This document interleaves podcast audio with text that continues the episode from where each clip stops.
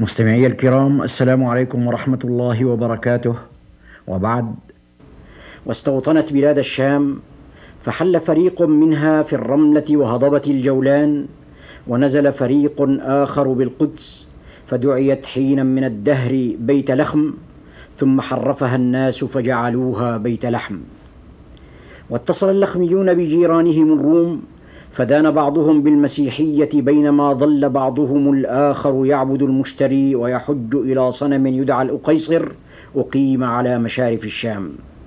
وكان تميم بن أوس بن خارجة الداري اللخمي ممن اعتنق المسيحية وأوغل فيها حتى غدا راهب بيت لحم. وفي ذات يوم عرضت لتميم الداري حاجة في قرية مجاورة فقام إلى مسحه الأسود فلبسه وشد على وسطه زناره وأرخى طرفيه على جنبه وتقلد قلادته التي يتدلى منها صليبه الفضي ثم اعتمر قلنسوته الصغيرة ومضى ميمما وجهه شطر القرية.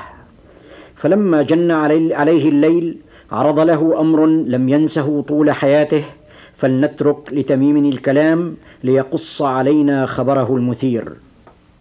قال تميم الداري كنت أقيم بالشام حين بعث النبي عليه الصلاة والسلام فخرجت إلى الأماكن المجاورة لقضاء بعض حاجاتي فأدركني الليل عند واد سحيق مظلم فأخذتني الرهبة ودب في نفسي الخوف فتذكرت ما كانت تقوله العرب من الاستعاذة بالجن في أمثال هذه المواقف فهتفت أنا في جوار عظيم هذا الوادي الليلة. ثم أخذت مضجعي لأرقد فإذا مناد ينادي وأنا لا أراه ويقول عذ بالله أيها الرجل واستجر به فإن الجن لا تجير أحدا على الله. فقلت للهاتف أقسمت عليك بالله أتقول الحق؟ فقال قد خرج رسول الأميين فأسلمنا واتبعناه وذهب كيد الجن ورميت بالشهب فانطلق إلى رسول رب العالمين وأسلم. قال تميم الداري فسكنت نفسي بعض الشيء وقضيت ليلتي أستعيد ما قاله الهاتف وأتدبره وجعلت أتذكر ما كنت أقرأه في التوراة والإنجيل عن ظهور نبي جديد. قال تميم فلما أصبحت ذهبت إلى دير أيوب وكان فيه راهب طاعن في السن أثق بعلمه وفهمه فأخبرته الخبر وسألته عنه فقال صدقك الهاتف فإن هذا النبي يخرج من أرض مكة وهو خير الأنبياء فبادر إليه ولا يسبقنك أحد إليه إن استطعت. خلع تميم الداري ثياب الرهبانية وصحب أخا له يدعى هندا وطفقا يقطعان الطريق بين بيت لحم والمدينة ليلقيا رسول الله صلى الله عليه وسلم ويعلنا إسلامهما بين يديه ويقيما بجواره. ولما بلغ الأخوان المدينة أناخا راحلتيهما قريبا من المسجد وأقبلا على رسول الله صلى الله عليه وسلم فحياه الأخوان تحية الإسلام وأعلنا بين يديه كلمة التوحيد ودخلا في دين الله. وهنا قال تميم للنبي عليه الصلاة والسلام إن الله مظهر دينك يا رسول الله وناشر لواءك في الآفاق. وأنا قد خلفت ورائي أهلي وموطني وجئت لأنقطع إلى الله ورسوله. فهب لي قريه جبرين إذا فتح الله على المسلمين وملكوا, وملكوا بيت المقدس. فقال عليه السلام هي لك. قال تميم اكتب لي بذلك كتابا يا رسول الله. فكتب له النبي عليه السلام بذلك كتابا. ثم دارت الأيام وجعلت جيوش المسلمين تشرق في أرض الله الواسعة وتغرب. وطفقت حصون الشرك تتهاوى تحت سنابك خير المؤمنين حصنا إثر حصن. وتوالت بشائر الفتح على مدينة رسول الله صلى الله عليه وسلم. فما تكاد تزف بشارة حتى تهل أخرى. إلى أن كانت سنة خمس عشرة الهجره حيث جاء البشير إلى أمير المؤمنين عمر بن الخطاب من قائده عمرو بن العاص يبشره باستسلام بيت المقدس ويخبره بإصرار أهلها على أن يكون خليفة المسلمين عمر بن الخطاب هو الذي يعقد لهم الصلح ويدعوه إلى الشخوص إلى أولى القبلتين وثالث الحرمين.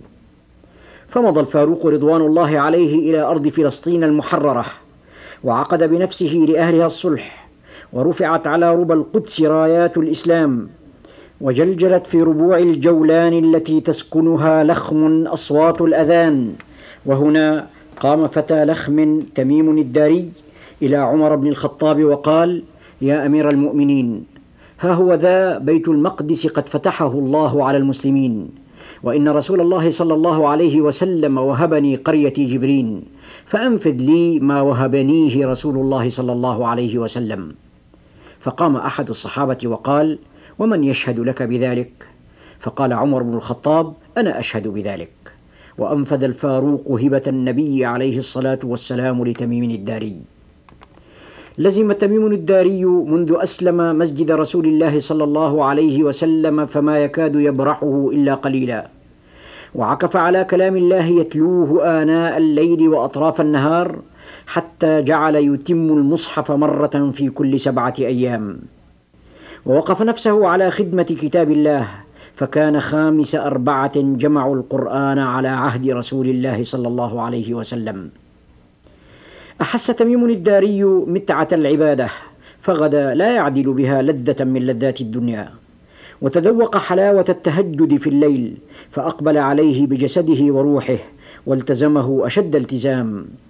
كان إذا أقبل الليل وأسلم الناس جنوبهم إلى المضاجع هب من رقدته وتوضأ فأحسن الوضوء وعمد إلى حلة له شراها بألف درهم فارتداها وأخذ زينته تامة كاملة ليمثل بين يدي ملك الملوك ويحظى بقربه في نجوة من الناس.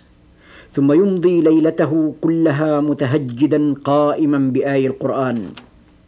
وكان إذا مر بآية فيها ذكر الجنة طار شوقا إليها وإذا مر بأخرى فيها ذكر النار زفر زفرة كأن لهيب جهنم في أحشائه.